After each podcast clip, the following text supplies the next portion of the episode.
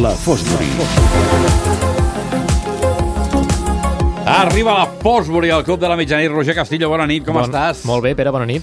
Felicitats, perquè Gràcies. la revista Fosbury ha rebut aquesta setmana passada el Premi a la nit de les revistes i la premsa en català. Premi a la millor nova publicació catalana. Sí, ens fa molta il·lusió, perquè el dona la Federació d'Associacions d'Editors, de Premsa, de Revistes i de Mitjans Digitals, i que hagin pensat en nosaltres, amb la competència que hi ha en aquest país, doncs... Això vol dir escolta, dues coses. A veure, Que ells tenen criteri i que sou molt bons. Doncs- I les dues coses són veritat. benvingudes siguin, però segur que hi ha altre nivell, segur que hi havia altres candidats, perquè, evidentment, segur. el nivell és altíssim, però fa molta il·lusió, però fa molta il·lusió que algú reconegui la, la feina que vas fent i això ajuda sempre a tirar endavant. Això molt bons, sou sempre molt bons. Sempre. Uh, escolta, ara, si anem a la història d'aquesta setmana, recuperes l'obsessió per la velocitat. Eh? Sí, recordes aquell esquiador que baixava 250 Sí, km sí, sí, per hora sí, sí. sense motor? Sí. Avui anem a buscar el motor. Anem a Amb buscar què motor. es pot fer amb motor. I amb motor es poden fer, com et pots imaginar, Virgueries, coses sí. tremendes, eh, autèntiques bestieses.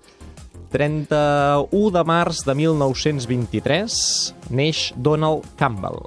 Aquest senyor El de les sopes. el de les sopes? No, aquest és un altre, aquest és un altre. És fill de Malcolm Campbell. I si tu, el Surrey, el sud-est d'Anglaterra, doncs el situo molt ràpid, ell és un obsessionat de la velocitat perquè ho viu a casa, ho mama de petit i per tant és lògic que acabi fent el que fa. Son pare és una persona adinerada que aposta per la velocitat, aposta pels cotxes, eh, s'hi va aficionar en cotxes de carreres primer, després també vaixells, i de mica en mica hi va invertint. Va creant el seu primer cotxe, aleta 1, aleta 2, aleta 3. Quan està amb l'aleta 3, que és una versió ja doncs, que comença a guanyar competicions, que comença doncs, a batre rècords de velocitat, va un dia al teatre, l'endemà té una competició, i veu una obra de Maurice Maeterlinck, que havia estat publicada el 1909, una obra de teatre, que es deia L'ocell blau. I després de veure aquesta obra, aquest senyor fa un canvi de xip espectacular. Se'n va buscar la botiga de pintura que té més a prop de casa, comença a picar fins que no surt el botiguer, li demana tots els pots de pintura blau que té, se'n va cap a casa, pinta el seu cotxe de color blau, pinta l'emblema d'un ocell blau i passa a anomenar-se a partir d'aquell moment Bluebird. Bluebird serà una de les persones més conegudes de la velocitat, del món de la història de la velocitat, perquè comença a fer versions dels seus propis vehicles, en fa doncs, en vaixells i en, i en cotxes, i comença a batre rècords del món. En bat 13. 13 rècords del món d'un mateix senyor en màxima velocitat possible tant en aigua com en terra.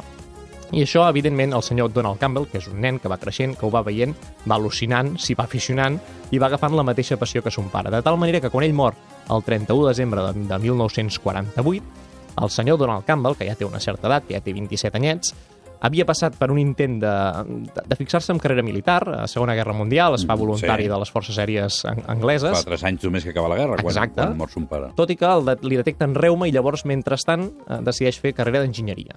I amb enginyeria ell avança molt. Enginyeria manteniment primer, enginyeria després com a accionista en petita empresa i va fent els seus avanços. De tal manera que quan mor el seu pare, agafa el cap d'enginyeria que tenia el seu equip, el posa al seu costat i comença a innovar amb aquests prototips, amb aquests models de, de vehicles per intentar agafar molta més velocitat. I es jura, per ell mateix i per la família, que batrà els rècords del món que havia marcat son pare tant en aigua com en terra.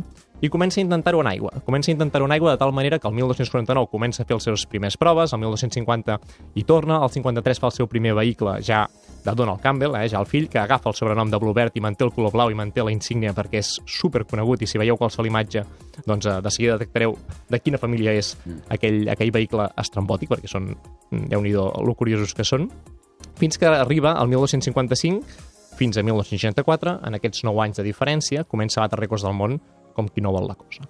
Passa dels 325 km per hora que havia aconseguit son pare 300. sobre aigua fins als Sobre 444 km per hora. 440 sobre aigua. Sobre aigua. En terra arriba als 648 km per hora.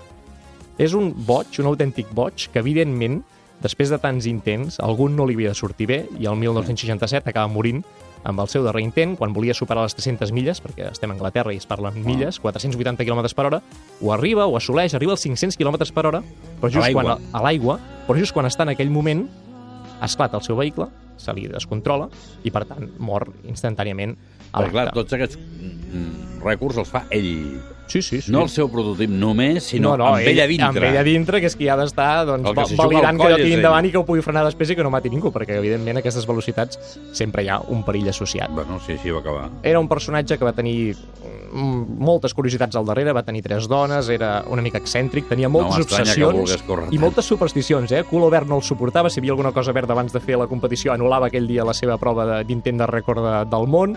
El divendres mai ho feia perquè li feia por, els, tre els dies 13 tampoc, i no volia fer 13 rècords per si de cas. Eh, Un paio així que estava en un club espiritual i de fantasmes també associat, per tant, un personatge molt poderós, perquè realment tenia molt poder i era un triomfador, però també Peculiar, molt excèntric, peculiar, peculiar i deixa-la anar. La seva història va inspirar un grup de música que estem escoltant ara mateix, Mhm. que es diu Marillion, un grup de rock anglès, que el 1995 va fer aquesta cançó que es diu Out of This World. Una cançó que s'inspira en ell, que parla una mica d'aquesta obsessió per superar reptes i què en va quedar després de la seva mort. I aquesta cançó, curiosament, va inspirar un submarinista que es deia Bill Smith. Aquest submarinista, després d'escoltar la cançó, va començar a indagar amb el paio i va començar, qui era aquest senyor que feia aquestes bogeries? I va començar a veure doncs, què n'havia fet de la seva vida i va conèixer el lloc on havia mort, un llac doncs, que estava a prop d'allà on vivia ell, i va començar a buscar les restes, de tal manera que, sis anys més tard, el 2001, ja les havia localitzat i va convidar el guitarra i el cantant d'aquest grup que estem escoltant a assistir a l'extracció de les restes mortals del senyor Donald Campbell Per l'amor de Déu. perquè visualitzessin el moment, perquè com que havien fet la cançó ho sentissin, i finalment el senyor Dolan Campbell, després de comprovar doncs, que el seu ADN era correcte, quan se li va fer un funeral amb tots els honors, el solista d'aquest grup va agafar la guitarra, va anar allà, i amb un to intimista, amb una versió acústica de la cançó, va tocar en el seu funeral aquesta cançó Out of This World, que volíem fer sonar avui en memòria d'un boig i un apassionat de la velocitat, com va ser, evidentment, el senyor Donald Campbell, Bluebird 2, podríem dir, perquè va tenir el seu pare com a, com a autèntic referent. Et sembla prou animalístic, Damià? M'ha agradat molt, m'ha agradat molt. El Bluebird, eh, quan ha començat a parlar, no, no, no, no ho centrava. Quan ha, pas- quan ha parlat del Bluebird, jo crec que tots els que l'estàvem escoltant, eh, efectivament ens hem començat a fer la forma, no? De tots aquells prototips que tenien una forma de bala, de coet... L'havia anat canviant, no, tenia aconseguir- turbina de gas eh, i al final, ja per intentar donar-li més velocitat, era una cosa Ha de ser excepcional. espectacular veure un, un intent d'aquests rècords en aquells, una en aquells bogeria. deserts dels Estats Units. Eh, Ha de ser espectacular.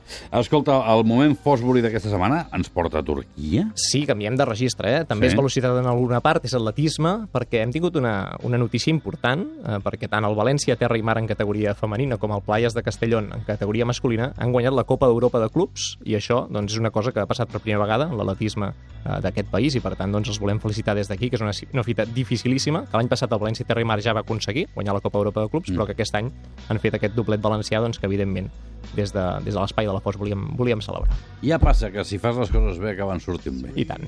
Per això us han donat el premi també a vosaltres. Gràcies, Roger. A vosaltres. Bona nit.